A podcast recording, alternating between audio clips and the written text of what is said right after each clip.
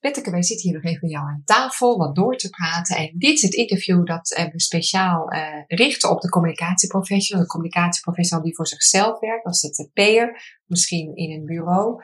Uh, maar ook de professional die in een organisatie, in een team werkt. En uh, een van de thema's die we hier willen bespreken is het leiderschap. In, in de zin van hoe kan je als professional in de communicatie de lead pakken hoe kan je eigenlijk voor je vak staan en voor de oplossing staan die je uh, nou, voor jouw organisatie of voor jouw klant uh, uh, hebt ontwikkeld, hebt bedacht. Um, heb jij daar tips voor? Zou je daar wat over willen delen? Ja, dat wil ik wel graag.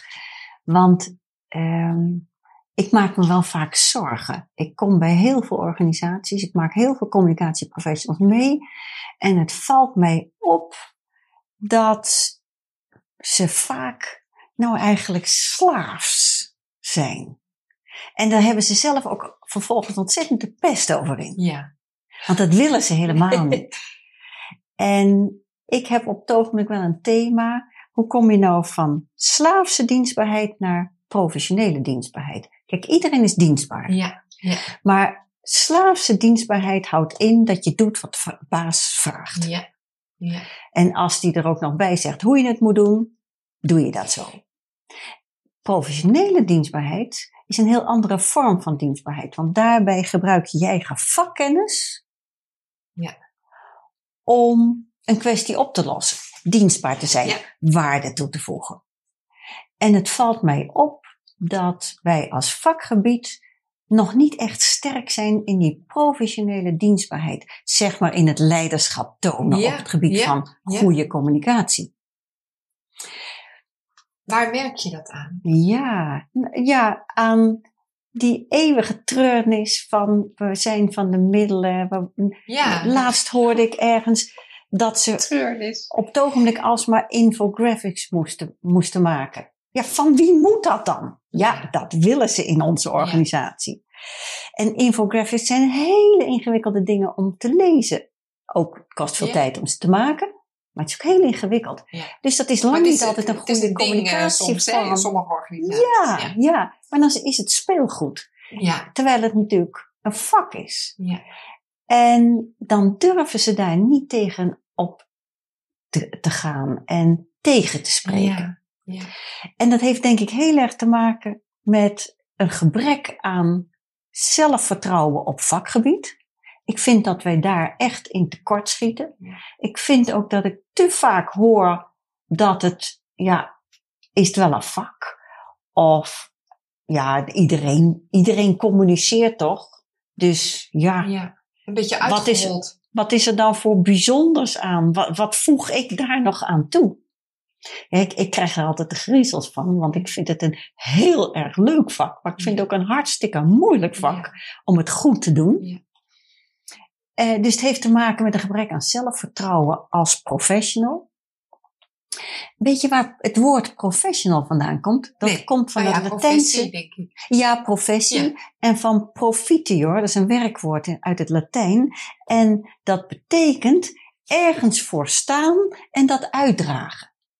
Ja, prachtig. Ja, dus een professional staat ergens voor en draagt dat uit. Ja. Ja. En durft dus er tegenin te gaan als je ervan overtuigd bent dat het anders moet dan je Ja. opdrachtgever denkt. Ja. En hoe kun je daar nou wat steviger in worden? Ja, ik ben natuurlijk een docent hè? en ook nog eens een wetenschapper. Dus ik zoek het altijd wel heel erg in kennis. Ja. En bijvoorbeeld het hele thema van de reputatie.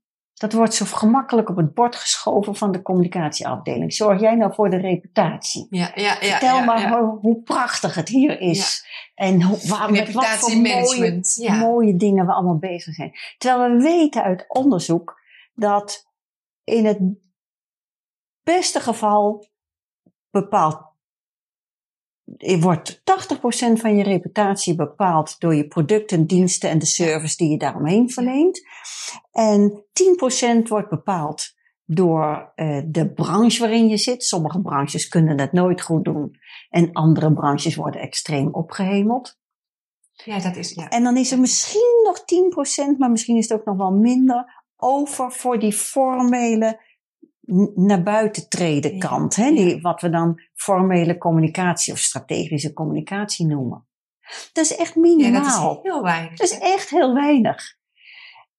En toch wordt er naar de communicatieafdeling gewezen. En dat niet alleen. Communicatieafdelingen zijn ook wel een beetje geneigd om het belangrijk te vinden om daarvoor nou te moeten zorgen. ik denk ook vanuit het idee van wij willen zo graag van toegevoegde waarde zijn van de organisatie. Ja, en dat Als het klinkt, gaat over reputatiemanagement, dan moeten wij er zeker bij. Ja, ja. Wat natuurlijk ook wel zo vind, is. Vind ik ook heel erg interessant. Maar we moeten ons realiseren dat als je de reputatie wilt verbeteren, moet je niet bij communicatie beginnen. Nee. Dan moet je beginnen bij, Bij de die 80%, producten, diensten, hè? service. Vanuit de gedachte dat is allemaal communicatief. Ja. Hè, het straalt iets uit, het laat iets zien. Ja. Mag jij je daar van mij wel mee bemoeien? Ja.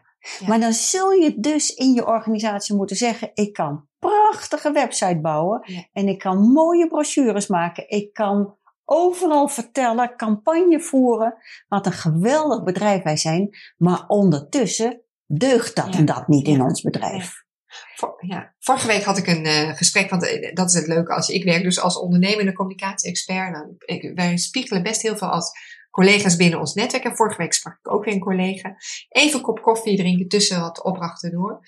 En toen, eh, en dan sparren we over het vak en welke opdrachten doe jij. En toen zei ze, wij, eh, eh, ja, ik ben nu bezig met iets, zeg ze, maar dat, is, dat, dat wordt gebracht als een communicatieprobleem. Maar het is natuurlijk gewoon een organisatieprobleem. Ja. Daar gaat het hier over. hè? precies. Dat is dit. En weet je, het loopt door elkaar. Ja. Want ik kan het heel gemakkelijk verwoorden als een communicatieprobleem. Ja, ja. Want het is wel degelijk communicatief. Het laat iets zien. Ja, ja, ja. Als jullie nooit goed samenwerken, die twee afdelingen, en dus klanten het bos ingestuurd worden, Ja. Vind ik dat wel een communicatieprobleem. Ja. Maar Maar er zit iets onder. ja, en communicatieprofessionals vinden het doodeng om dat soort dingen hardop te zeggen. En het lastige is ook, in het verleden, het vak komt natuurlijk voort uit reclame maken en voorlichten. Hè?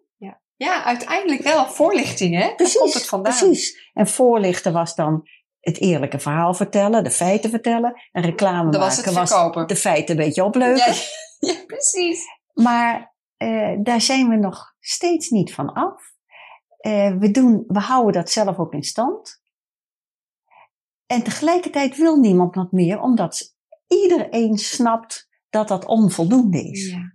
Nou, je bent anders echt bezig met buitenkant Precies, precies. voorlijsten. En dat geeft, denk ik, een gebrek aan on- eh, een, soort van onzekerheid. Maar hoe kan je dat dan praktisch maken? Dat professioneel, professioneel dienstbaar zijn. Ja, Als je zoiets, als je bijvoorbeeld wat mijn Ja. collega vorige week, Ja. dat je concludeert, hé, maar hier is een organisatieprobleem aan Ja. de hand. ja. Hoe, hoe kan je dat dan zo aan de kaak, aan de kaak stellen? Of Ja, in ieder geval aankaarten? Ik zeg altijd, als ik in company ergens kom, zorg dat je coalities sluit. Ja. HR, soms zijn er verandermanagers, organisatieontwikkelingsafdelingen. Daar moet je coalities mee sluiten. Ja. Je, moet je, je moet niet terugleggen en zeggen, dit is een organisatieprobleem, daar ben ik niet van. ja, nou, want dat gebeurt ook heel veel. Ja, gebeurt heel veel. Of mensen zijn blijven aan het vechten en dan denken ze, nou, ik ga maar gewoon een andere baan zoeken. En Ja, het verandert hier ja, ook nooit. Ja, wat soms ook waar is. Ja. ja, maar stapje voor stapje de deur een klein beetje open zien te krijgen. En dat kun je alleen maar als je coalities Ja. sluit. Als je samenwerkt met anderen in de organisatie die er ook zo in staan. En waar je samen iets zou kunnen betekenen. We hebben ook veel te lang in, de, in het communicatievak gezegd. Er is eerst organisatie, zeg maar besluiten, ja, plannen ja, ja. enzovoort. En dan is er communicatie. Ja. En dan- zit je lang te wachten. ja, en, en dan kom je veel te laat natuurlijk Precies. En het is ook helemaal niet waar. Voordat er een besluit plaatsvindt, is er heel veel communicatie. Als dat slecht gaat. Ja. heb je een slecht besluit. Ja. Ja, en dan, dat valt niet meer te verkopen. ja, want dat zou je ook kunnen concluderen. Als je zegt 80-20, dan moet eerst die 80 uitgezocht zijn. En dan Ja. komen wij als laatste Ja. 20 of 10 procent. Nou, dat is en- dus niet waar. In, nee, want in die 80 zit heel veel communicatie. Ja. ja. ja. Ja. Dus vooraan aan tafel Ja, is en, een tip. ja, en, Coalitie sluiten is een Ja. tip. en je moet je ook erg zelf afvragen van welke delen van al dat gecommuniceerd Ben ik. ben ik? Ja. En, en, en hoe ben ik er dan van? Welke rol En dat zijn ik? wel nieuwe rollen. Ja, ja. Komen er ook nieuwe rollen? Ja, beslist. beslist. De, eh, de verschillende rollen die ik op zie komen, dat is de rol van de linking pin, die mensen aan elkaar Ja. verbindt. Ja. En zeker intern in de organisatie. Ja. Mensen die niet vanzelf met elkaar praten of totaal langs elkaar heen praten. Dat is de linking pin rol. Ik zie ook eh, de rol van de change agent. Ja. Dus de veranderaar. dat, zijn, dat ligt heel sterk dicht tegen verandermanagement. Maar ja, ik denk dan altijd, een communicatieprofessional kijkt daar anders naar dan een verander Ja. professional. Manager, ja. Ja, Ja. ja. Dus je hebt iets interessants toe te voegen. Ja. Jij snapt namelijk hoe goede communicatie in elkaar zit. En veranderen zonder goede communicatie werkt niet. Nee, maar daar is iedereen volgens mij wel over eens. Maar of je daar dan een rol Ja, voor maar- inricht als organisatie? Nou, dat gebeuren? Of, ja, dat, ik zie dat veel bureaus. Ja. Maar dat zijn dan Ja. doorgaans de veranderbureaus en niet de communicatiebureaus. Want die trekken zich heel gemakkelijk terug op dat klassieke voorlichten en reclame maken. Ja. En dat vind ik zonde. Ja. Want eh, ik vind toch dat, kijk, moderne veranderaars hebben wel in de gaten dat je veranderen samen moet doen. Ja. Dus dat je daar één op één eh, veel groepscommunicatie voor nodig hebt. Maar ze hebben weer niet in de gaten dat je ook de buitenwereld daarin mee moet nemen. En dat snappen communicatieprofessionals weer ja, veel beter. Dus die hebben echt een goede toegevoegde waarde daarin. Dus dat- zie je nog Ja, meer? en ik zie een andere rol waar we het nog niet zoveel over hebben, maar die vind ik echt heel interessant. En dat is de rol van de sensemaker. De sensemaker is degene die duidt wat er aan de Ja, hand is ja. en wat er speelt en wat er bedoeld wordt. En alle organisaties willen beter luisteren op het ogenblik. Nou, daarvoor kun je allerlei mooie databestanden optuigen. Hè, daar kun je systemen voor inrichten om beter te luisteren. Dat is nog niet zo'n kunst. Nee. Maar dan moet er geduid Ja, worden. ja, ja. Van wat, hebben we hier nu eigenlijk? wat wordt er nou gezegd? Ja, en wat betekent dat voor ons? En wat betekent dat voor ons? Precies. En eh, ik noem dat de rol van de sensemaker. Men noemt dat wel graag de rol van de analist, maar dat is mij veel te klinisch.